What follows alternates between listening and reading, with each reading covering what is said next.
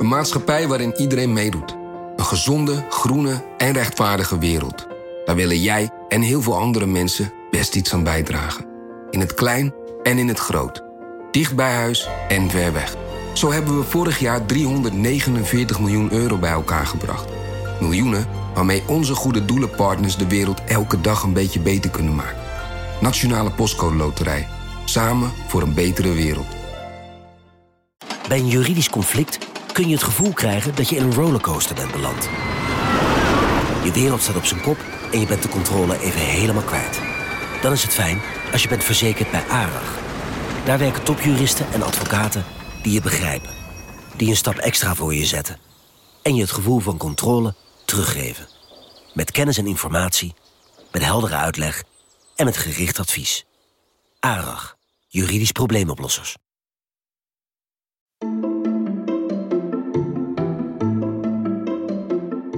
Welkom. Wij zijn Onbehaarde Apen. Dit is een extra podcast van NRC over de maanlanding.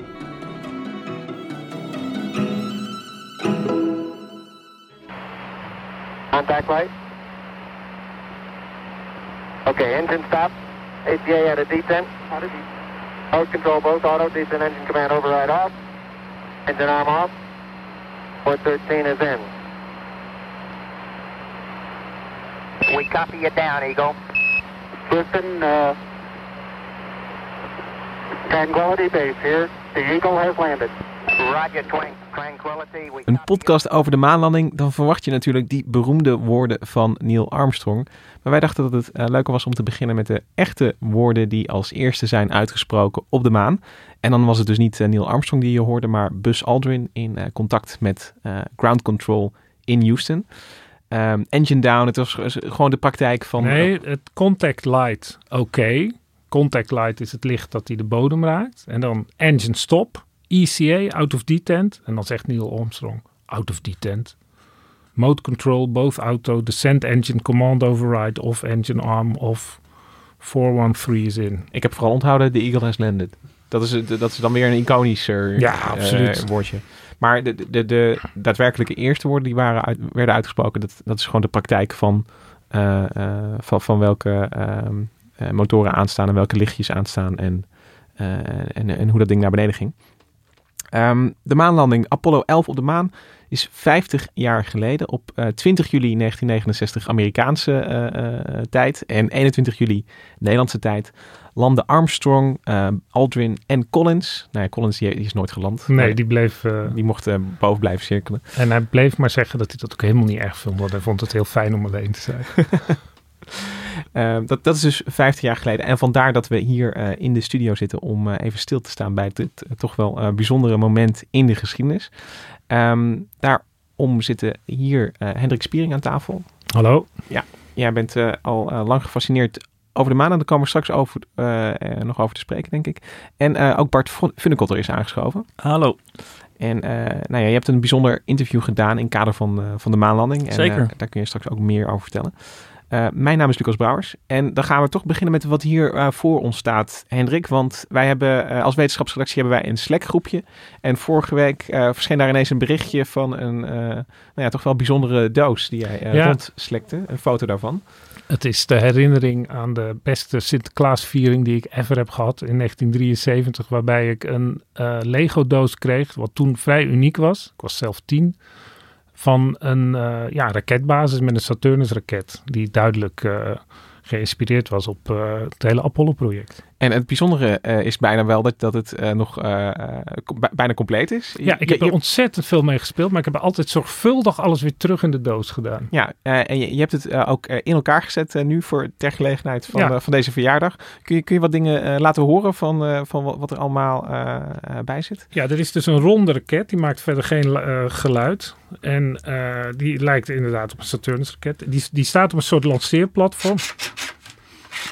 Die, die loopt over een railsje. Een railsje dat kan bewegen. Dat was nog uit de tijd dat Lego ook eigenlijk nog geen treinen had. Dus dat, dat railsje, dat, dat, dat verraste mij ook enorm. Er zit een heel leuk, eh, ja, eh, hoe zeg je het, bestelautootje van de NASA bij. Met, met acht wieltjes eronder, wat ook al indrukwekkend was. En er zit een losse antenne bij. Dat is een, er horen eigenlijk twee antennes bij. Want op de blauwe lanceertoren hoort ook een antenne. Maar die was ik eigenlijk al in het begin kwijt. Jij bent in die, eh, eh, in, in die decennia ben je ergens dat antennetje Ja, maar verloren. ik, ik, herinner- ik heb een diepe herinnering dat die eigenlijk al heel snel verdween.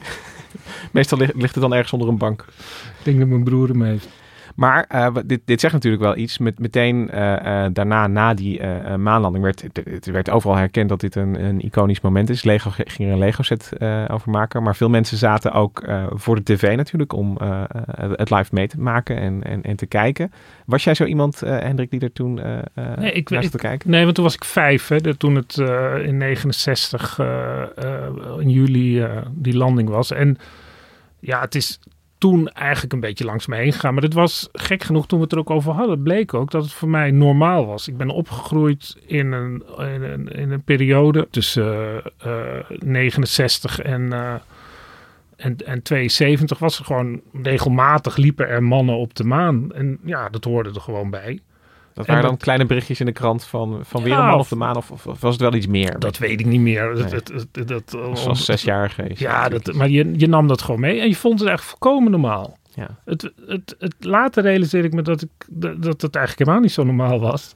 Nee, want het is dat moment in de geschiedenis tussen, eh, tussen 69 en 72? of Ja, 72? 72 was de laatste. En het is dus een, een, een... Je had ook het gevoel dat je in de toekomst leefde eigenlijk. Eh, al die... eh, ja, we gingen daarna naar Mars. Zo, alles, alles, alles was mogelijk. Ja, maar de geschiedenis liep anders. Ja, tegelijkertijd was het ook een tijd natuurlijk van oorlog in Vietnam. Dat herinner ik me ook. Dat je dan op de televisie bij het journaal telkens die grens van Noord- en Zuid-Vietnam steeds lager naar Saigon zag zakken. Dus je voelde ook wel dat er meer aan de hand was dan alleen maar eh, halleluja. En eh, eh, dat, dat, dat is wel interessant, want voor mij was de maanlanding eigenlijk al, al geschiedenis. En, en eh, voor, voor Bart misschien, Ja. misschien ook al. Ja, V- ik ben van de Space Shuttle generatie. Ja, en, en dan, dan was het toch eh, van ja, er gingen nog raketten omhoog, maar, maar, die, maar die maanlanding stond toch wel als een soort eenzame eh, prestatie. Heb ik altijd het gevoel gehad van, eh, van dat is iets dat toen is gelukt en, en daarna niet meer. En dat, dat, da- daarmee blijft het wel iets, iets bijzonders. Nou ja, in- als je het historisch bekijkt, dan is natuurlijk ehm, eh, de, de, de grote zeevaartreizen die eh, op, in Polynesië zijn begonnen en eh, later dat, dat eh, de grote ontdekking van de wereld eigenlijk. Ik noem speciaal ook Polynesië, omdat altijd wordt gedacht vanuit Europa wordt er van alles ontdekt. Dat is natuurlijk niet helemaal waar. Maar dus de, de grote contacten over de hele wereld, dat, dat, dat, dat, dat vanaf de 16e eeuw alle gebieden in principe met elkaar in contact staan. Dat zijn natuurlijk wereldhistorische gebeurtenissen. En dat dan vervolgens de mens de planeet kan verlaten en op de maan gaat staan. Die oude, die vroeger als een godin werd vereerd. En nu lopen er gewoon mensen rond. En iedereen die kijkt nu naar de maan en denkt, daar is de mens ook geweest. Ja, dat, dat is eigenlijk nergens mee te vergelijken. in het grote verhaal van de mens is dat, blijft Ja. het een bijzondere stap. En, Ja. en in die zin zijn die woorden van Neil Armstrong, die een beetje sleets zijn geworden, omdat ze zo vaak zijn herhaald, eh, eh, eh, toch Ja. waar. Small step for man. Ja. En ehm, wat wel bijzonder is aan deze tijd, is, is dat we, eh, nou ja, de, de mensen die dat mogelijk hebben gemaakt, die, eh, die zijn er nog, die erbij zijn geweest.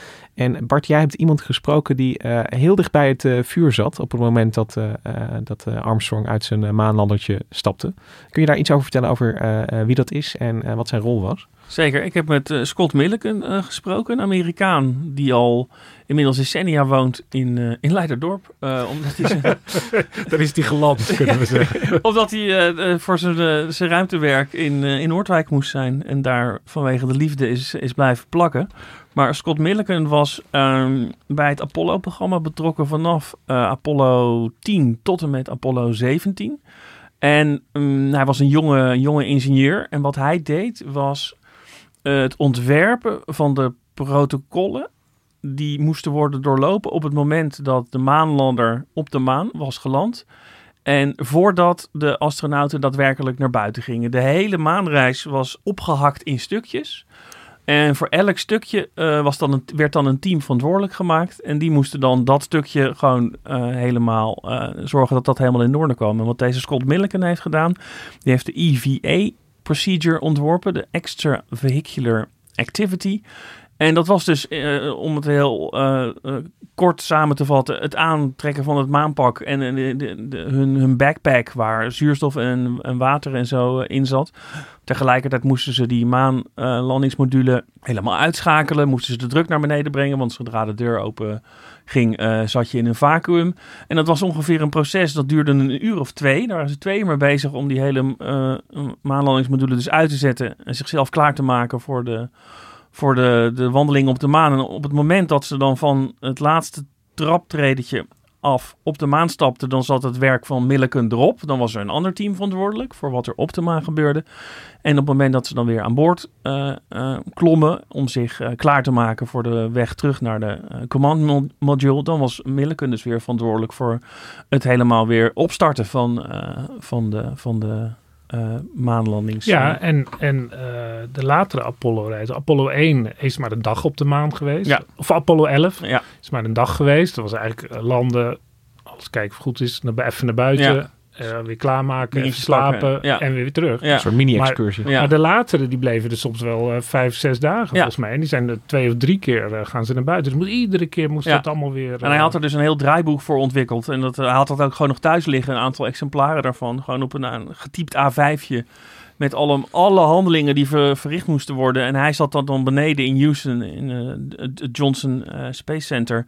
En bij elke handeling no- no- eh, noteerde hij dan de tijd waarop die verricht werd. En op die manier liep hij dus in zijn ge- gedachten mee met, met de astronauten die op dat moment dat allemaal aan het doen waren. Ja, want er mocht ook niks verkeerd. Want als, Nee. de, als de zuurstof niet goed was aangesloten, of de koeling, wat een enorm probleem Ja. was, of de, de, de, de- niet alleen, ja, in de, als ze in de zon stonden, werden ze gloeiend heet. Ja, als ze in de schaduw werden, was het ineens was- ijskoud. ja, dat, dat ging van, eh, van plus 100 naar min 100 graden Celsius. Maar hij, had, hij vertelde dat er een keer een astronaut was waarbij de, de, de, de plaszak het niet goed deed. Eh, ja, dan, dan heb je dus wel even een... Dat, dat lijkt een vrij prozaïsch probleem. Maar als je aan de binnenkant je, je pak onderstroomt, dan heb, je, dan heb je wel een probleem. Dus dat zijn, waren dan van het soort dingen waar ze dan wel tegenaan liepen. En die ze dan dus... Daar hadden ze natuurlijk allemaal weer noodprocedures voor om dat op te lossen. En eh, wa- wat we ook aan het begin hoorden, het is eigenlijk een voortdurend samenspel tussen dus, eh, ja, de mensen op de grond, op de aarde, Ja. die, die de hele tijd aan het, aan het checken zijn van... Volle is- schaats zoals gepland. Ja, is dit gedaan? En dan krijg je van boven bevestiging, ja, we, Ja. we zijn hier. En, en zo gaat het de hele tijd heen Ja, en de weer. hele tijd van eh, kloppen alle systemen, want een deel was geautomatiseerd en werd ook allemaal in de gaten gehouden. Do we have a go on dit? Go, go, go. En dat, dat- het, is een, het is een soort mierennest van deskundigen, die dus, er zitten geloof ik dan 40 mensen in dat Johnson, in die centrale hal met die televisieschermpjes. En die communiceren weer met de mensen achter hun. En. De, de, de program director die, die beslist dan uiteindelijk, maar die moet al die go's hebben. En dan, ja, er, zijn allerlei kritische momenten bij de, bij de landing zelf. Daar gaan we het zo nog misschien nog over hebben. Was er voortdurend een alarm van een computer. Die, zei, die zat 1202, 1202. Ze hadden geen idee wat het was. Dat hadden ze nog nooit gezien. En dan moest dan weer iemand in Houston eh, gauw door alle boekjes bladeren wat het ook weer was. En dan komt het van, van achter, eh, in, in Ja. de zaal komt het weer helemaal naar Ja. voren. En eh, en, eh, ja, een soort gedistribueerde intelligentie Ja, eigenlijk. totaal. Ja. Ja, want ze hadden dus van alles draaiboeken en voor alles was een backup. Bijvoorbeeld dus die Scott Milliken had dan een rol. Eh, maar er was dus ook iemand die backup met hem, mee- met hem meedraaide. Inderdaad in de kamer daarachter. Dat is bij wijze van spreken als hij een... eh, Zijn been brak. of ja, als zo. hij zijn been brak, terwijl dan kon het meteen. eh, dus niet alleen de astronauten hadden understudies, eh, maar dat gold voor elk individu binnen dat programma. ook. Ik, ik zie er eigenlijk voor, voor me als een soort een, een heel groot cluster van parallel en in serie geschakelde breinen eigenlijk. Ja. Die, die dat gewoon Ja, want die man die je nou vanuit Houston hoorde, die zei van copy you down, Eagle. Eh, dat, dat was een, eh, Charles Duke, een, een, een, astronaut die later zelf ook naar de maan is gegaan. En dat was iemand die wist alles van, dat, van, die, van die lunar module, van die landingsmodule. En er wa- er was die volgens mij negen maanden ook bij die fabriek bezig geweest. Hoe dat precies in elkaar, weet je, dat, die Ja. lui dat waren astronauten, maar het waren eigenlijk vooral ingenieurs. Nou ja, en eh, die Scott Milliken die zat dus echt heel dicht bij, eh, eh, bij, Het dat, vuur. bij, Ja. bij het vuur, bij dat bijzondere moment ook. En eh, eh, dat vind ik wel heel... Je hebt, je hebt hem ook gesproken over van, ja, hoe was dat dan? Want, want je verwacht natuurlijk als, als, als dat soort iconische woorden worden uitgesproken... dat iedereen daar met, met, met, met, met, met, tranen in, Ik- in ik de was- ogen... Ik was op zoek naar grote emoties, maar dat, eh, Dat liep wat anders. Dat liep anders, ja. And so when he got down on the ladder and down, and he said his famous words, you know, one small step for man, uh, one giant step for, le- for mankind. So he was he said that, and it did. You know, I heard him say that, but for me, it, it at that moment, it didn't. Um, I didn't get emotional about it or anything, or, or say, "Man, that was a cool thing to say." He just said it, and I just took it in, and, and we went on to the next step. You know, uh, and so, but later on, you know, I really felt the gravity of it all, and now I, I feel more emotional about it today than I did then. Ja, dus eigenlijk pas eh, ja, achteraf, als, Ja. als, als eh, nou ja, dat- die, die woorden natuurlijk steeds herhaald worden en, en ja, Maar die, hij die weet ze lading nog krijgen. steeds niet precies. Nee, hij, zei, hij, zei, hij verhaspelde het nog steeds een Ja. beetje. De, de giant leap for mankind. Maar ze waren, ja, gewoon, dus, ja. ze waren gewoon bezig met een klus. eh. Een technische uitdaging die ze heel systematisch stap voor stap eh, wilden oplossen. En dat waren, daar, daar waren ze mee Een bezig. stuk leuk werk. Ja. En, en eh, Neil Armstrong zelf, die heeft ook verteld dat hij, eh, en dat ben ik het eigenlijk wel met hem eens, die landing, dat dat, dat, dat, die, dat, dat kleine insectenachtige landertje eh, voet op die maan zet en daar dus stabiel staat en, en veilig is, hè, al het werkte. Dat is de echte landing. En dat, dat ze dan vervolgens naar buiten gaan is natuurlijk wel, wel gaaf en belangrijk. Want dan gaan ze allemaal stenen verzamelen en zo. Maar dat is niet de landing eigenlijk. Nee, Scott, Scott Milliken vertelde dat ook, dat de grootste opwinding, de grootste tevredenheid in, het, eh, in, in, het, in de control room was op het moment van die landing. En niet het moment van de eerste stap. Op Nee, want toen konden ze niet meer sterven, bij wijze Ja. van spreken. Maar bij die landing had van alles mis kunnen gaan. Ja, er ging ook van alles mis natuurlijk, omdat ze hun eerste landingsplek, eh, die, die was niet beschikbaar, omdat er allemaal stenen lagen. En Armstrong moest dus, moest dus op zoek naar een geschikte Ja, landingsplek. maar dat ging niet mis eigenlijk. nee, het ging niet mis, maar het was, ging anders dan gepland. Ja, dat, dat zeker. Wat ook zo grappig is, dat ze eigenlijk niet wisten waar die stond. Dus die, die, die, die command module die nog om de maan draaide met Collins erin, die moest kijken en ook proberen met een soort radiopeiling te kijken waar die eigenlijk stond. Want ze wisten het niet precies. Nee, en, en, dat, ongeveer natuurlijk. en dat was helemaal wat we aan het begin hoorden. Eigenlijk was dat dus het, het, het spannendste moment. En, Ja. en, en zelfs daar klinkt weinig emotie in door. Eh, je, je hoort toch wel een beetje, eh, als eh, volgens mij is het dan, eh, wordt er gezegd, we, we staan in Tranquility Base. En, en, en als je dan de, die reactie uit eh, van beneden krijgt, daar, daar hoor je het wel een... Milliken vertelde dat toen inderdaad, toen werd er wel, eh, gingen er wel handen de Ja. lucht in. eh, ja. Nou ja, dan, hebben we even nu stilgestaan bij dat, dat bijzondere moment. En eh, wat we nu gaan doen is eigenlijk even kijken eh, ja, hoe we daar gekomen zijn. Want, want we, we, we zitten hier met, met, met Lego op tafel en iconische woorden en, en mensen die erop terugblikken. Maar eh, op de maan kom je natuurlijk niet zomaar. En, en de grote vraag die er eh, denk ik nog steeds onder ligt is, eh, eh, je hebt het al even benoemd Hendrik, in, tussen 69 en 72 was het tussen aanhalingstekens normaal. En eh, nou ja, dat gaan we een beetje verkennen in deze aflevering. Van waarom, waarom was het toen normaal en, en nu niet meer? En waarom was het toen eigenlijk ook wel bijzonder? En eh, daarvoor moeten we even eh, terug naar eh, de tijd voor eh, de lancering. En eh, best wel ver terug. Ehm, want, want kun je iets vertellen over hoe kom je überhaupt op het idee, we gaan naar de maan? Ja, nou, de, de, de, de, de kernvraag is eigenlijk bij die hele, dat grote enthousiasme over het ruimtevaartprogramma, eh, is waarom is het eigenlijk als een plumpudding in elkaar gezakt? Want er zouden eigenlijk nog, eh, Apollo 17 was de laatste, maar er zou nog Apollo 18, Apollo 19, Apollo 20. En dat werd allemaal geschrapt. En eh, president Nixon die zei na de maanlanding van kunnen we 14 en 15 ook niet vastschrappen. Want ja, waarom zouden we dat, eh, of zullen we met 14 ophouden? Want ja, we hebben het gehaald en we zijn klaar. Het is gelukt en eh, dan gaan we, gaan andere problemen oplossen. En, waar, en, en de- ik heb ook allemaal boeken gelezen, want ik ben een soort historisch overzicht voor de krant aan het maken. En dan, dan zie je ook dat NASA er is een prachtig boek over de marketing of the moon. Van, waarin helemaal dat denken over waarom doen we dat eh, wordt verkend en hoe verkopen we het. Dat NASA zelf dacht, nou we zijn zo geweldig. We gaan gewoon door. En dat alle politici zeiden, ja waarom? En dan, dat zet je aan het denken. En dan, je hebt natuurlijk dat enorme enthousiasme van die ingenieurs en die, die ruimtevaartmensen. Maar die betalen dat niet zelf. Dat wordt allemaal uit, een, eh, uit het staatsbudget van de Verenigde Staten en Rusland betaald. En als je dan gaat kijken hoe dat begonnen is, dan zijn er eigenlijk twee hele belangrijke eh, ontwikkelingen. Dat is de, de kunstmaan, de eerste kunstmaan van eh, de Russen in 57, Sputnik. Sputnik. En als ik die, ik, ik, ik, had, ik verzamelde vroeger postzegels en ik had er eentje van een postzegel en dat is een soort ja, metalen bal met, met vier volgens mij van die uitsteeksels Ja. die een beetje zo naar achteren gericht zijn. Dus je krijgt een soort, een- bijna een soort badminton shuttle vorm krijg je er, En het- heeft dat ding. Het, het interessante van dat verhaal is, is dat dat als een, ja, ik kan bijna zeggen, als een bom insloeg in de wereld. Want de wereld van de science fiction, die, die, die toen al in de, lit- in, gewoon in boeken en in films wel bestond, maar in werkelijkheid natuurlijk helemaal niet, die werd ineens werkelijkheid. Want over welk jaar Het spreek je? 1957, oktober. En, maar de, de, de mannen met macht in het Witte Huis en in het Kremlin, die reageerden vrij laconiek. Want het was gewoon een, een, een speeltje van een aantal eh, Russische eh, raketingenieurs die, die, die dat erbij deden. En eh Khrushchev die werd wakker gemaakt. Van nou, het is gelukt. En hij reageerde heel weinig enthousiast van... oh, nou, ik dacht dat het nooit gelukt zou zijn. En hij ging gelijk weer slapen. en het commentaar van president Eisenhower, de Amerikaanse president... die was van ja, god, eh, het is maar een bal.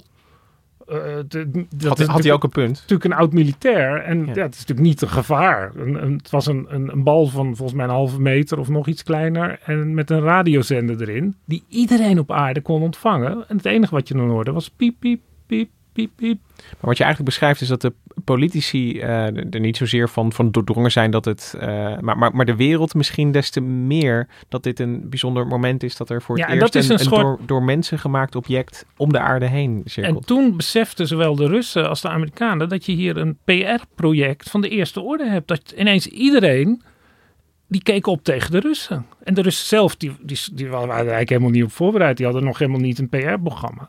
En dan kun je afvragen, ja, maar toch is het heel knap dat ze dat konden. En waarom konden ze dat?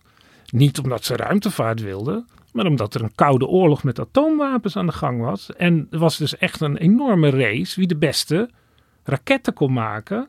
Ja, niet om, om ruimtevaart te plegen, maar om, om bommen af te leveren op het, op, in het onverhoopte geval van een oorlog op het grondgebied van de vijand. En die, eh, die raketten, dat waren precies dezelfde raketten die ook in de ruimtevaart werden gebruikt.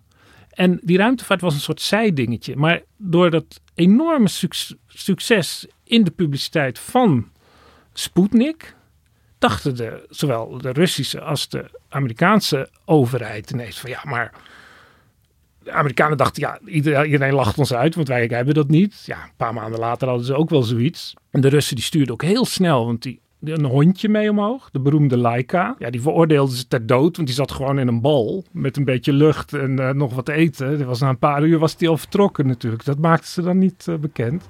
Nee, maar, maar wat je dus krijgt is dat, dat, dat- het besef dat, eh, dat met dit ruimteprogramma heb je eigenlijk een, een positieve manier om, om een soort PR te bedrijven voor de technologie die je in huis hebt. Ja, Want het, is, het, het werd het symbool van wat ben je waard. Je kunt ook atoomproeven doen natuurlijk en, en eh, eh, eilandjes in Hawaii eh, opblazen. Maar daar Ehm, maak je mensen ook bang mee. Ja, precies. En, en hiermee heb je dus eigenlijk... Een positief iets. Ja. En de Amerikanen die, die zijn natuurlijk best goed in marketing. En die, die wisten ook onmiddellijk, dit moet geen militair project worden. Dus de NASA werd een civiele organisatie. Weliswaar met heel veel militairen vanwege die raketdingen.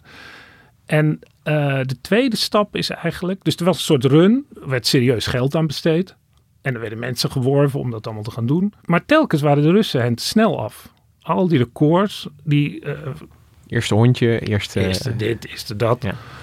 En eh, het belangrijkste was de eerste mens op de, in een baan om de aarde. Of eigenlijk buiten de dampkring. En dat was eh, Yuri Gagarin. En dat was, Welk jaar was dat? dat was in 61. En dan zie je ook, dat hadden de Russen heel goed voorbereid. Maar, ze, maar dan zijn ze ook best wel snel gegaan. Want, want in, in 57 nog, nog een, een radiobal in de Ja. ruimte. En dan ben je vier jaar later eh, stuur, je al, eh, eh, stuur je al iemand in een baan om de aarde die Maar ook goed, terugkomt. intercontinentale raketten, die werden ook steeds beter. En de raket waarmee Gagarin omhoog ging, dat was een, een, een, variant van de intercontinentale raket die de Russen hadden ontwikkeld voor atoombommen. Dat was eigenlijk de R7 uit mijn hoofd gezegd. Dus dat was, ja, het werd niet gedreven door de wil om iemand in de ruimte te brengen, maar we hadden de spullen en dan gaan we er een PR-stunt van maken. En dat lukte ook, want Yuri Gagarin ging omhoog, kwam ook weer terug en kwam eigenlijk terug als held. wel goed om even te zeggen, hij maakte dus daarna een zegentocht, ook door de westerse wereld. Iedereen wou hem zien. Dus die Amerikanen die dachten, oh, dat gaat helemaal verkeerd. De Russen zijn de held. Laten we even luisteren naar Yuri Gagarin. Die wordt geïnterviewd door de BBC. Your uh, American astronaut colleague spent an unfortunate three or four hours in his spaceship before he started off. Did you have a comparable uh, wait before the takeoff? Э, Но я не думаю, что э, э, само пребывание в кабине космического э, корабля мое аналогично пребыванию э, э, в, косми- в кабине э, Меркурия Шепарда. Uh, you see, we were not in the same position. Shepard in the Mercury spaceship and myself in ours. Тем более, что повода такого, чтобы волноваться и нервничать, такого повода в это время совершенно не было, как и в течение всего космического полета. And I don't think there were any grounds for me to be seriously anxious either at that period or at any time throughout the flight. En, en wat er hier ge- gebeurd is... Ja, er is- gebeurt heel veel Want in in- dit. inmiddels, op het moment van dit interview, hebben de Amerikanen dus ook al... eh, ja, eh, Shepard die is ook een, eh, in de ruimte gegaan. de eerste Amerikaan in de ruimte. En daar vraagt de interviewer naar. Ja, want er was ook een incidentje met die raket van... hij, hij, het duurde heel lang voordat hij gelanceerd werd. En dan moest hij ook plassen en dat was een eindeloos gedoe. En zeg maar de, de- de, subtiele hoon van de Rus, die het op een hele charmant... Het is een hele aardige man ook om te zien. Er hoort ook een filmpje bij. Die Gagarin. Die Gagarin, een hele vriendelijke jongen. En die, eh, ja, die zegt dan spottend van ja, wij maken ons nergens zorgen om. Weet je, de superioriteit van de Russische techniek in dat kleine incidentje, dat is natuurlijk niet zo belangrijk, maar ja, daar hadden wij helemaal geen last van hoor. En dat dan door de BBC in Londen. Eh, daarna ging hij nog naar Canada. Hij is ook overal geweest. En het is... eh, eh, ja, Ja, ik zeggen, interessant is dat de Russen waren natuurlijk gewend om altijd overal achteraan te als, sukkelen als het ging om technologische ontwikkelingen. Tijdens de Tweede Wereldoorlog kregen ze van alles eh, toegestuurd. De Amerikanen hadden als eerste de bom. Eh, die moesten de Russen vervolgens eh, via spionage zien in te pikken. En dit was eigenlijk de eerste keer dat ze op eigen kracht eh, voorop liepen. Dus dat was eh, voor de, de Sovjets een enorme reden tot- voor trots. En, en dat, was dus ook echt de wereld waarin we leefden. Dat, dat de Russen steeds keer op keer de eerste waren. Ja, en ehm, kijk, het is nog, natuurlijk nog steeds eh, eh, militair of economisch. Denk je, ja, kan ons het schelen. Maar eh, publicitair was het gewoon.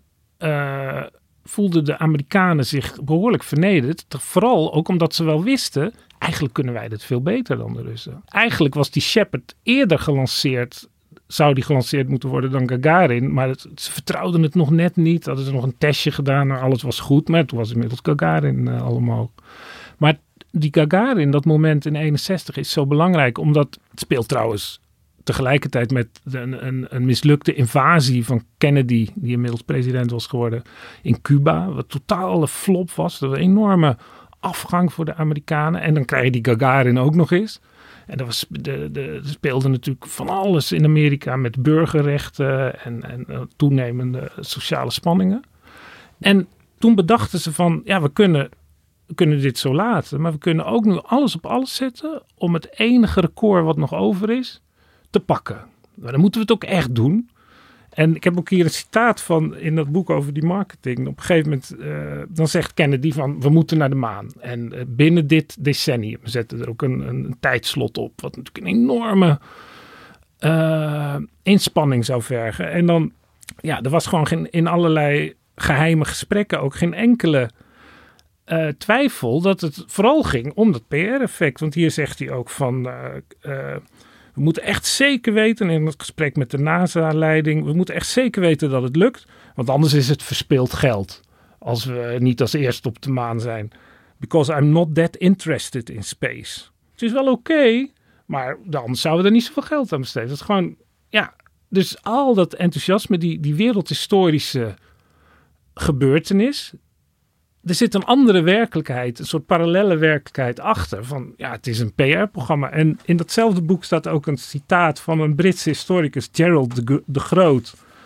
En die, eh, die is ontzettend cynisch over eh, het hele ruimteproject. Die zegt: Dit was eh, de tijd waarin goedgelovige Amerikaanse belastingbetalers cynisch werden gemanipuleerd door alarmistische politici en opportunistische ruimtevaartgekken om een, een, een multi, multi-billion dollar waste, een, een, een verspilling van vele miljarden, eh, op gang te zetten wat verder niks bereikt heeft. En als je dat dan leest, dan denk je, ja, wat, oké, je zet ze op de maan.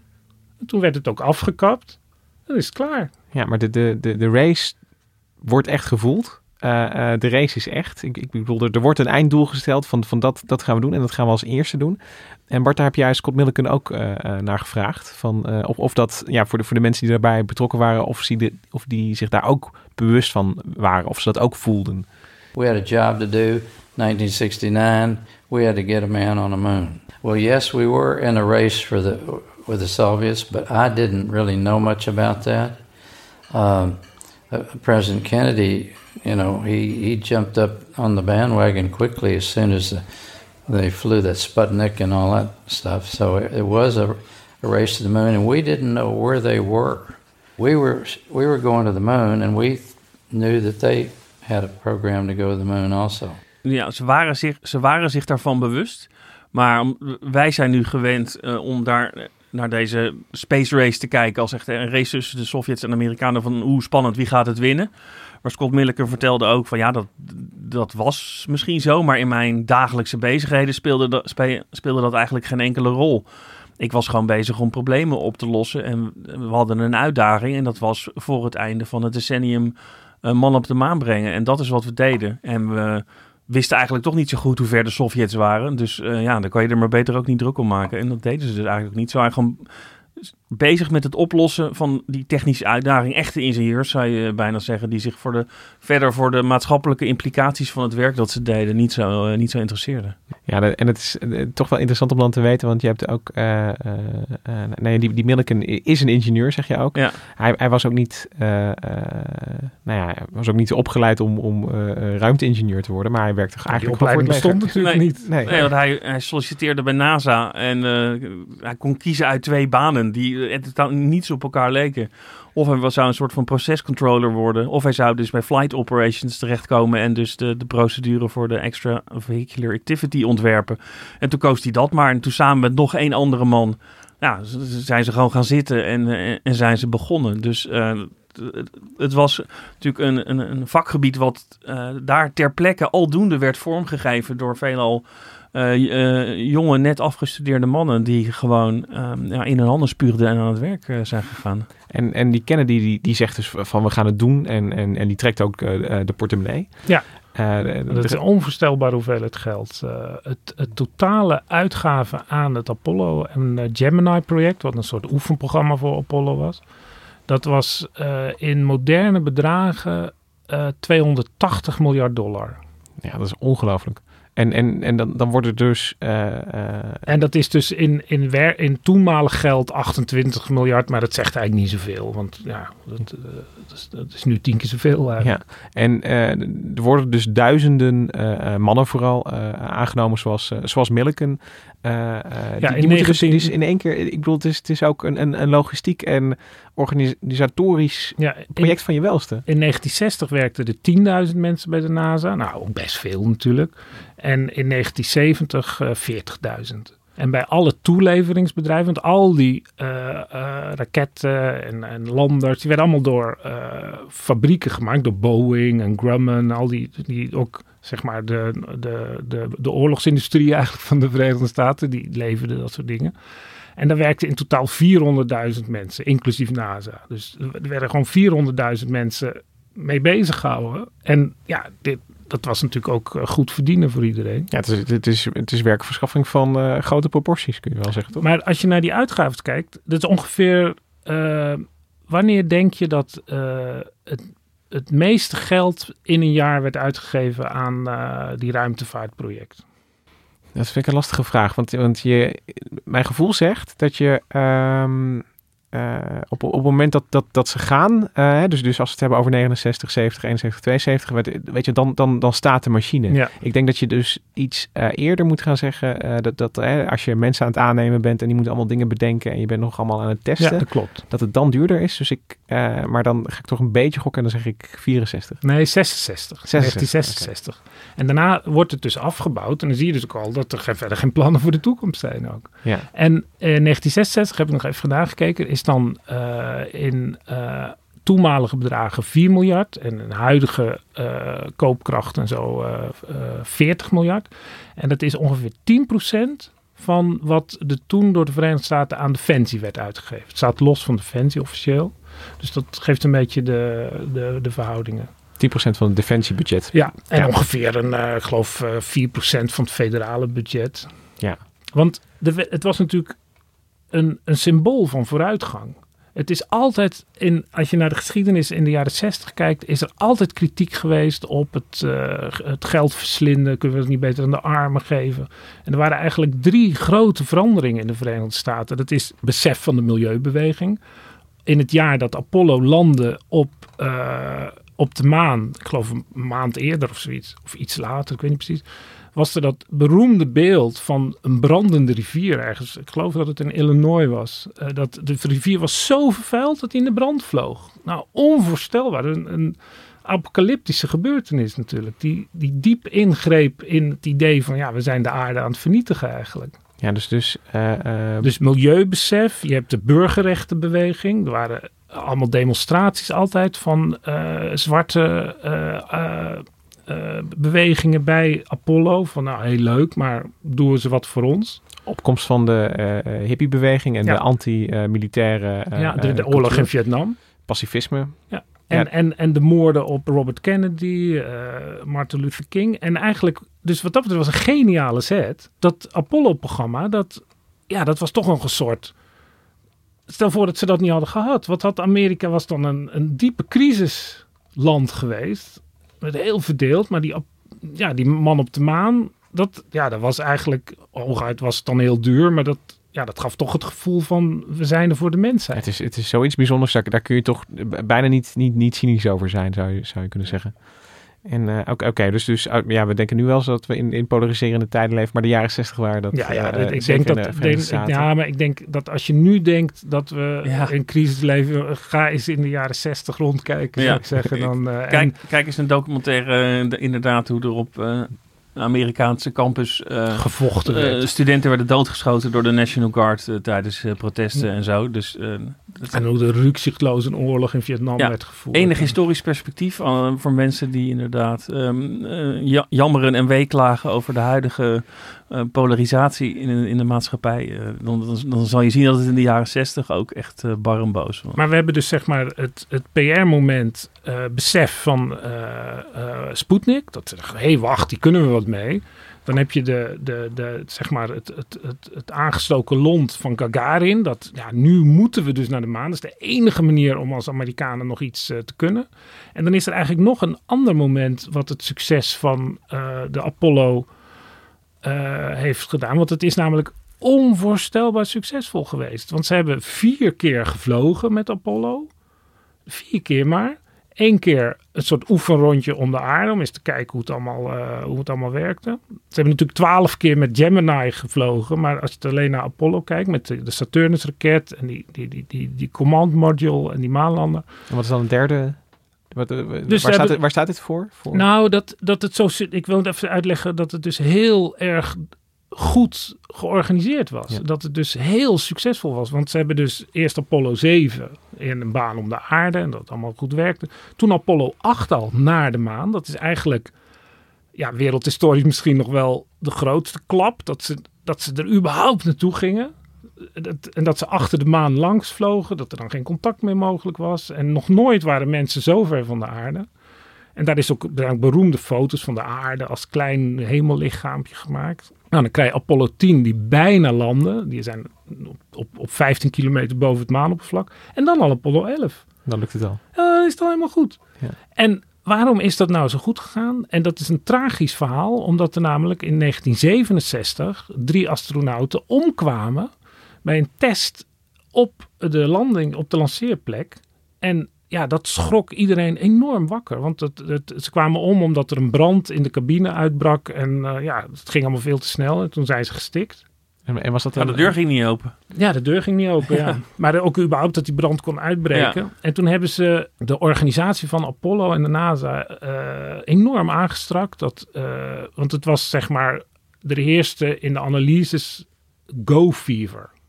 Dus eh, ja, het moet nou eenmaal, het staat op het schema, dus we doen het. Ik heb er een heel slecht gevoel over, vertrouw het niet en toch doen we het. Er is geen cultuur van eh, eh, iemand die aan de rem durft te trekken en, en zeggen van, ho, uh, dit is niet goed. En met, met uh, drie, uh, die drie ingrediënten, hè, dus, dus Sputnik, het besef, Gagarin van echt als We gaan naar de prikkel en het, het, veranderen van de organisatie ja. bij, bij NASA, die hebben geleid tot dat moment in 1969.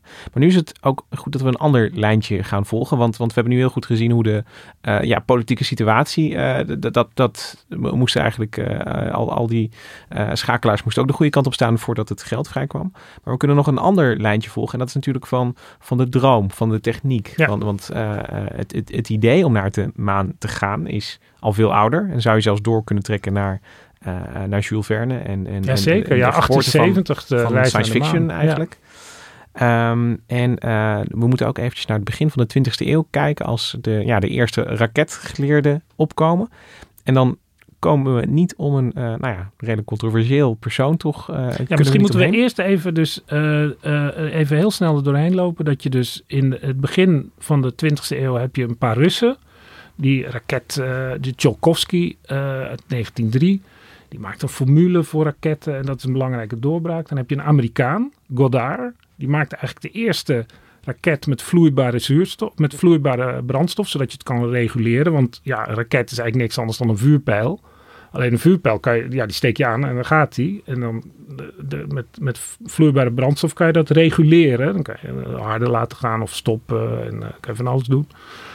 En Goddard in 26 heeft voor het eerst een raket gemaakt die ook echt van de grond kwam. Hij kwam helaas maar 12 meter hoog, maar goed.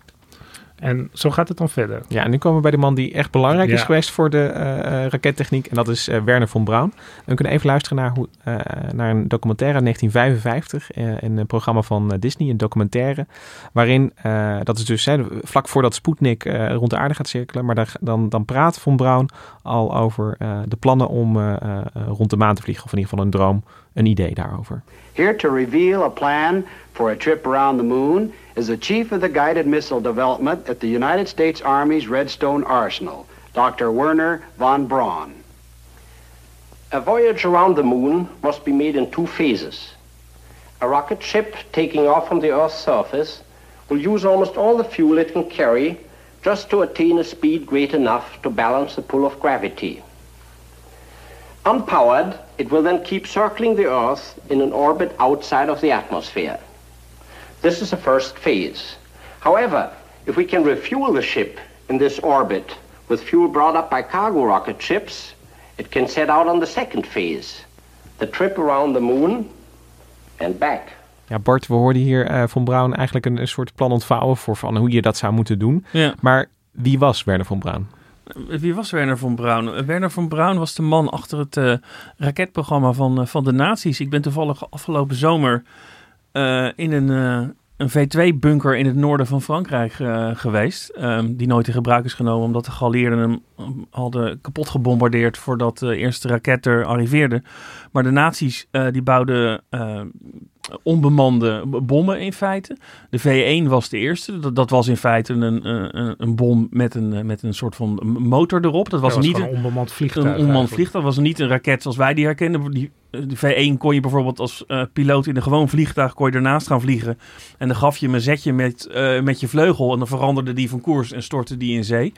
Um, dus dat was nog niet de supersonische raket uh, zo, zoals, uh, zoals wij die nu Het kennen. was gewoon met een propellermotor. Ja, klopt. Ja. ja. En uh, de V2 van de Duitsers, door Werner von Braun ontwikkeld. Dat was de eerste moderne raket die echt dus heel hoog van de grond kwam. Het is de eerste keer dat, dat, dat een, een ding wat door mensen is gemaakt in de ruimte kwam. Want volgens mij bij een test in 42 kwam die 100 kilometer hoog. Ja, en, en, en wat wel belangrijk om, is om even hier vast te stellen, is dat Werner von Braun werkte voor de nazi's. Um, was zelf misschien geen uh, overtuigde nazi, maar wel lid uh, gemaakt van de SS. het programma draaide gedeeltelijk op slavenarbeid. dus, die er mensen, zijn duizenden mensen bij ja, omgekomen. In, in, in Dora Mietelbouw, het kamp daar, waar heel veel mensen onder hele slechte omstandigheden hebben geleefd. Aan de andere kant moet je ook zeggen dat uh, Werner van Braun is ook gearresteerd door de Gestapo en hij heeft een tijd vastgezeten. Dus hij was uh, binnen het regime niet, niet on, onomstreden, maar uh, het staat wel vast uh, dat hij geweten moet hebben dat hij dat aan zijn raketprogramma het bloed van van, van, uh, van gevangenen, krijgsgevangenen en, en veel, veel vaker van, van Joden. En ja, ik heb wel eens een rekensom gezien dat er meer mensen bij de fabricage van de V2 zijn omgekomen dan in Londen en Antwerpen. Doordat ze zo'n ding op een hoog hebben. Ja. Dat klopt inderdaad, want de uh, omstandigheden waaronder die dingen gemaakt werden, die waren mensonterend. Maar ja, uh, toen dus de oorlog op zijn einde liep, dan waren, waren zowel de Sovjets als de westelijke geallieerden bijzonder geïnteresseerd in alle mensen die betrokken waren bij het Duitse raket. ja, maar dat was militair revolutie natuurlijk. Ja, ja dus, dus de, de kennis die Von Braun op dat moment heeft, die is ontzettend waardevol. Ja, of, dus hij was zeer waardevol en het, hij hij had uh, het geluk dat hij dus door de Amerikanen... Nou, hij is speciaal naar het westen gevlucht. Ja, om, om, door, om zich door de Amerikanen gevangen te laten nemen, uh, inderdaad. En voor, toen... Van Braun wist ook wel dat, dat zijn kennis wat waard was. En dat hij, ja, zeker. En dat, dat er een toekomst voor hem was na, uh, ja, die, na nazi Hij zag die toekomst kennelijk meer in Amerika dan in de Sovjet-Unie. Ja, wat niet zo gek is natuurlijk, nee. nee. Maar de Russen, die hadden ook een, geniale raket geleerd, Korolev een Oekraïner. En dat, ja, die, die was toen ook al uh, actief. Dus er, je had twee mensen die die raketten bouwden. En je hoort, uh, dus de, de Russen hadden Korolev. Die dus gewoon atoomraketten moest maken. En bijklusten als uh, ruimtevaartding. En na, met Gagarin werd het allemaal veel groter. En, of met Sputnik. Maar je hoorde hier ook in, dat, in die opname van 55 dat Von Braun wordt ook gepresenteerd als de man die de, die de ballistic missiles voor de militairen maakt. En dit was echt, uh, ja, hij, ik wil niet zeggen dat hij zich verveelde, maar hij was totale ruimtevaartfanaticus. Uh, en ja, de Amerikanen deden er wel wat aan, maar niet zoveel. En hij is echt ook bewust met de pers gaan praten en met Walt Disney om dit soort dromen voor te, ja, eigenlijk voor te bereiden, zodat de publieke opinie de regering zou dwingen, of in ieder geval de rijp voor maken, om aan ruimtevaart, echt serieus aan ruimtevaart te gaan doen. Ja, dus hij probeert dat, dat, dat gevoel een beetje te antameren van, van, van laten, we dit, uh, laten we dit gaan doen. Ja, en dat vind ik zo mooi dat je dus natuurlijk, uh, uh, we zeggen, ruimtevaartdromers hebt, SS'ers of niet. Hè? ja, dat is een het, beetje... blijft, blijft aan die man kleven natuurlijk. Ja. En er waren er natuurlijk vele. Arthur C. Clarke in Engeland. Je hebt de, de fiction schrijver die ook veel aangedaan heeft. En uh, dus de, de mentaliteit was er wel, maar ja, het moet wel betaald worden. Ja, laten we nog heel even luisteren naar, want dat was in zijn tijd was het natuurlijk ook, de Amerikanen ontgingen niet dat uh, Werner von Braun een, een, bloedig verleden had. En de komiek Tom Lear, die, die legt in dit liedje de, de vinger op de zere plek.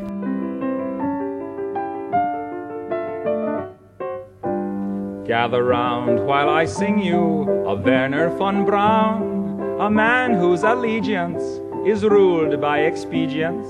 Call him a Nazi, he won't even frown. Nazi schmatzi, says Werner von Braun. Don't say that he's hypocritical, say rather that he's apolitical. Once the rockets are up, who cares where they come down? That's not my department, says Werner van Braun. Ja, briljant. Dat is perfecte samenvatting. Once the rockets are up, who cares where they come down? Ja. That's not my department. Ja, maar die, uh, um, ja, die, die, die techniek, die kennis die uh, die, die meebrengt, die wordt dus ook wel uh, ja, in, aan de ene kant ook, ook weer voor dodelijke raketten ja, ingezet in, in de Verenigde Staten. Ja, natuurlijk. Er was dus een heel cynisch programma om, want er wordt ook wel eens gezegd dat als hij niet die raketkennis had, dan was hij misschien in Nuremberg veroordeeld geweest. Misschien een beetje overdreven. Maar nou ja, misschien had hij net, net zoals, lokaal, uit, net zoals Albert Speer in ieder geval met de dwangarbeiders gewerkt. Dus dat had hem echt wel uh, 10 of 20 jaar kunnen. Maar dat werd hem vergeven. Dus. Wat is zijn rol uiteindelijk geweest in het, in het ruimteprogramma? Nou, hij was een centrale rakettenman. En uh, er waren ook uh, raketten van de, de Navy.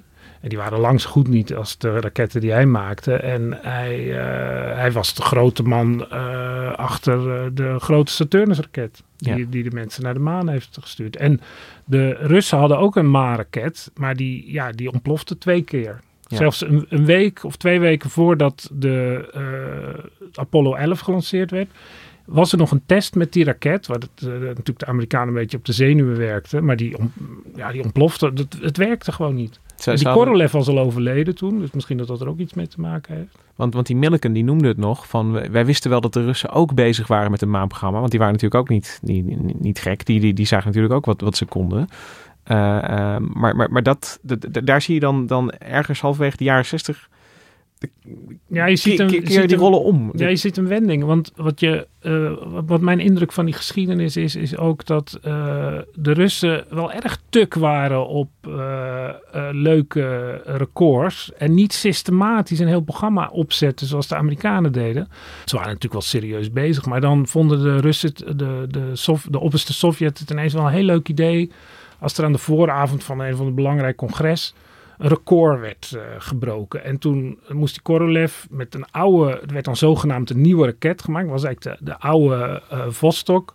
Die werd dan een beetje omgebouwd en er moesten dan drie mannen, drie mannen in. Paste eigenlijk amper. En ja, met, met angst, zweet, eh, zagen al die Russische ruimtevaartingenieurs dat ding de lucht in gaan. Het is allemaal goed gegaan. Maar dat, dat was er Dat eerder onverantwoordelijk gekke werk. communistische partijpolitiek eerder dan, eh, eh, dan serieuze ruimtevaart. Ja, het dus dan, dat, die Amerikanen hebben dan die, die afslag genomen van oké, we zetten nu alles op alles. En de Russen die zijn op een gegeven moment, hebben ze zich gaan specialiseren in langduur, maar dan hebben we het al over de jaren zeventig. Eh, ze hebben nog wel een beetje die droom gehad om, om naar de maan te gaan. Maar eigenlijk niet serieus op ingeïnvesteerd. En zij zijn zich gaan specialiseren in langdurig verblijf in de ruimte met het eh, meerstation en eh, later... eh, de meer die aan de basis stond van het ISS. Ja. ja. En, ehm, en nu stelden we aan het begin de vraag, in, in 1972 hield het op. Zijn we niet meer op de maan geweest met mensen van, van vlees en bloed. Ehm, nu is me ook wel een beetje duidelijk geworden van, van waarom dat is. Want die, die politieke noodzaak die jij zo hebt onderstreept, Hendrik, die, die ontbrak dus op een gegeven moment. Je bent er geweest. ja, waarom zou je nog verder gaan? En het, het, het, het, het doel van de mensen die het deden, hè, dus die, die Milliken, Armstrong, al die mensen van eh, de NASA, die dachten, ja, we gaan gewoon verder. En, want eh, we doen het goed en we kunnen het. En, maar die, die beseften eigenlijk niet dat ze eh, bezig waren met het grootste PR-project in de geschiedenis van de mensheid eigenlijk. Want dat is wel de conclusie die we moeten trekken. De, het Apollo-project was een PR-stunt. Ja, er zijn twee werkelijkheden. Het is aan de ene kant een historische prestatie en gebeurtenis die, denk ik, eh, heel simpel gezegd, geestverruimend heeft gewerkt op de menselijke bevolking. Hè, dat er meer is dan alleen maar de aarde, bij wijze van spreken. Daar kan je van alles over zeggen. Maar tegelijkertijd is het een, een cynische politieke zet geweest van de Amerikaanse regering. Of cynisch, gewoon, om- je kan ook zeggen, geniale zet dat, dat, dat ze een, een lichtpuntje hadden in eh, de strijd met de Sovjet-Unie. En achter later bleek ook dat toen eind jaren 60 dat land echt flink in de politieke problemen zat. Met al die rellen en gevechten op straat en ruzies en sociale problemen. Dat er nog, ja, dat er nog iets... Iets was om op trots op te zijn. Ja. Ja. Ja, ik wil hier toch wel even pleiten voor een, eh, eh, het grootste zinloze gebaar. Dat kan, dat kan natuurlijk ook mooi zijn. En het, was, het is natuurlijk gewoon, ook al had het ge- geen praktisch nut en was het een PR. Nou, dat heel erg praktisch nut, namelijk om te laten zien Klopt. dat ze beter waren dan de Sovjet-Unie. Ja, maar het, het is, eh, ik zou bijna zeggen, het is eh, laar pour laar. Kunst om de kunst. Het was een grootse menselijke prestatie. En die zal dan misschien niet zoveel... eh, eh, Nee, het is een soort piramide eigenlijk. ja, ja, van kijk eens, kijk eens, kijk eens hoe knap we zijn. Nou Ja. zo knap. Dit, dit kan de mensen allemaal. En dat, dat is dus, eh, hoe heet het? De, het menselijke... De, geschied- de geschiedenis van de menselijke samenleving bestaat ook uit dit soort symbolische mijlpalen. Ja, dus je hoeft het ook niet te reduceren. Dat te zeggen van ja, het is maar een PR-project. De maanlanding was ook een PR-stunt. Maar het interessante is dus dat eh, je hebt natuurlijk eh, tegenwoordig allerlei samenzweringstheorieën. Dat, dat de werkelijkheid eigenlijk heel anders is. Dat eh, 9-11 eigenlijk eh, heel anders in elkaar Ja, zit. dat de maanlanding niet gebeurd is. Wat de maanlanding niet gebeurd is. Maar het, als je erover na gaat denken. Er is niemand die zegt van ja, de, die atoombom op Hiroshima, dat hebben ze maar verzonnen. Dat hoor je nooit. Nee. En er is ook geen reden om dat te bedenken. Terwijl bij die, die maanlanding was zo eigenlijk evident een PR-stunt. dat je dan makkelijker. Dat, dat heeft eigenlijk geen enkel nut. Het heeft geen gevolg gehad. We hebben, bedoel, er is, het is- geen handel met de maan nu. Het is zeg makkelijk maar. om daarvan te zeggen van, eh, eh, eh, omdat het ook zo duidelijk is ingezet als PR-project, van kijk nou, dat hebben ze... Ja, dat hebben ze gewoon op een koopje in ja. de woestijn gedaan. Het Hebben grap, jullie, het dat filmpje van Buzz Aldrin gezien? Die, eh, die wordt op een gegeven moment geconfronteerd met zo'n eh, eh, demonstrant die zegt dat de maanlanding nooit gebeurd is. En die slaat hem dan echt Ja. keihard op zijn bek. Op het moment dat hij voor een liar en een coward wordt Ja, uitgemaakt. inderdaad, Weet je, de ja. man die, die, Ja. die in, een, in een blikken dingetje naar de maan is gegaan, die wordt voor, als lafaard getypeerd. Ja. Dat is natuurlijk onmogelijk. Tell him to get out of here. This is a hotel. We'll call the police. You really like attention, don't you? You're the one who said you walked on the moon when you didn't. Calling the kettle black, if I ever thought of it. Saying Will I you misrepresented get myself. away from me? You're a coward and a liar and a thief. Ja, het- zegt wel iets over die, die, die, de gekkigheid. de gekkigheid die er, die er, die Maar er om, het- omheen is het- gezet. Ik heb nog één vraag voor jou, Hendrik, eigenlijk. Voor, Nou, ik wou nog even iets over de Oh. samenzwering zeggen. Ja? Want anders blijft dat ook maar liggen. Ja. Waarom is het geen samenzwering? Waarom hebben ze het niet... Want het is namelijk... Er is een hele simpele reden voor. Het is namelijk veel moeilijker om tienduizenden, zo niet honderdduizenden mensen die eraan werken... te laten denken dat ze er in het echt aan werken. Maar in werkelijkheid is het gewoon in een tv-studio. Als je dat van plan bent, dan is het eigenlijk makkelijker om het gewoon in het echt te doen. Ik vind dat het het bestaan van Scott Milliken uh, ontkracht Ja. uh, samenzweringstheorie. Ja, en ik heb dingen gezien die op de maan zijn geweest. Ja, dat eh, zegt u. Voor, vorige week. Ja, maar daarom. Ik, I want to believe. Nee, maar het, het, het grappige is dat het meer werk is om het nep te doen dan om het echt Ja. te doen. En dat jij eh, hebt die, eh, die Lego set van de, eh, van de Apollo eh, 11 eh dingen heb je heel erg lang bewaard. Met, de- met een reden natuurlijk. Omdat het, het, het, het heeft je toen ook ge- geïnspireerd geraakt. Ja, maar ook, het, het was gewoon mijn een van mijn favoriete Lego-dozen. Ja, dat snap ik ook wel. Maar jij was vijf toen de, de eerste mensen op de maan rondliepen. Dat, dat stopte toen je, toen je een jaar of negen was. Denk je dat jij het nog gaat meemaken dat, er, dat, dat, we, dat we in de krant gaan zetten Chinees op de maan? Nou, dat is niet zo gek eh, dat je zegt Chinees op de maan. Ik, kijk, ik heb nog wel eh, enige jaren van leven. Dus ik denk dat, dat ik dat nog wel meemaak dat er iets op dat gebied gebeurt. Maar je moet wel heel goed denken wat de voorwaarden voor zoiets zullen zijn. Want wat vaak vergeten wordt, is dat het een onvoorstelbare hoeveelheid geld kost om, eh, om dat te doen. Kijk, het, het ISS, dat doe je eigenlijk op een koopje. Het is een internationale samenwerking. Er zijn ook allerlei redenen waarom dat toen gedaan is. Om, ook om de Russische raketingenieur een beetje aan het werk te houden. Dat ze niet allemaal naar Noord-Korea gingen in de jaren negentig. Dus dat is ook een soort peace-project eh, met internationale samenwerking. Dus dat, dat geld is wel goed besteed. Maar het is een, een schijntje van wat het kost om serieus met mensen naar de maan te gaan.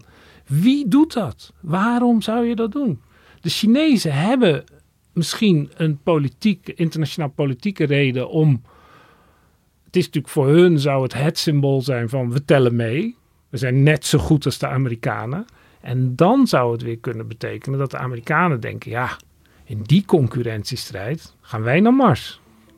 Maar dan moet er nog wel een hoop water door de Mississippi stromen, denk ik. Misschien kunnen we over tien jaar op Alibaba een uh, Chinese Lego-imitaat kopen van uh, een Chinese maanraket. Um, ik denk dat we hiermee aan het einde zijn gekomen van deze extra aflevering van Onbehaarde Apen. Uh, bedankt voor het luisteren. Uh, uh, Bart en Hendrik bedankt voor het aanschuiven. Scott Milliken bedankt voor zijn tijd om over zijn, zijn herinneringen met ons te delen. Ja, dat Micha was niet moeilijk. Hij bleef praten. alles ook terug te lezen trouwens. dit, dit en meer in een, een, special die op 20 juli bij NRC verschijnt. Micha Melita, bedankt voor de productie van deze aflevering. En wij verschijnen op een gegeven moment weer in je podcastfeed. Tot dan.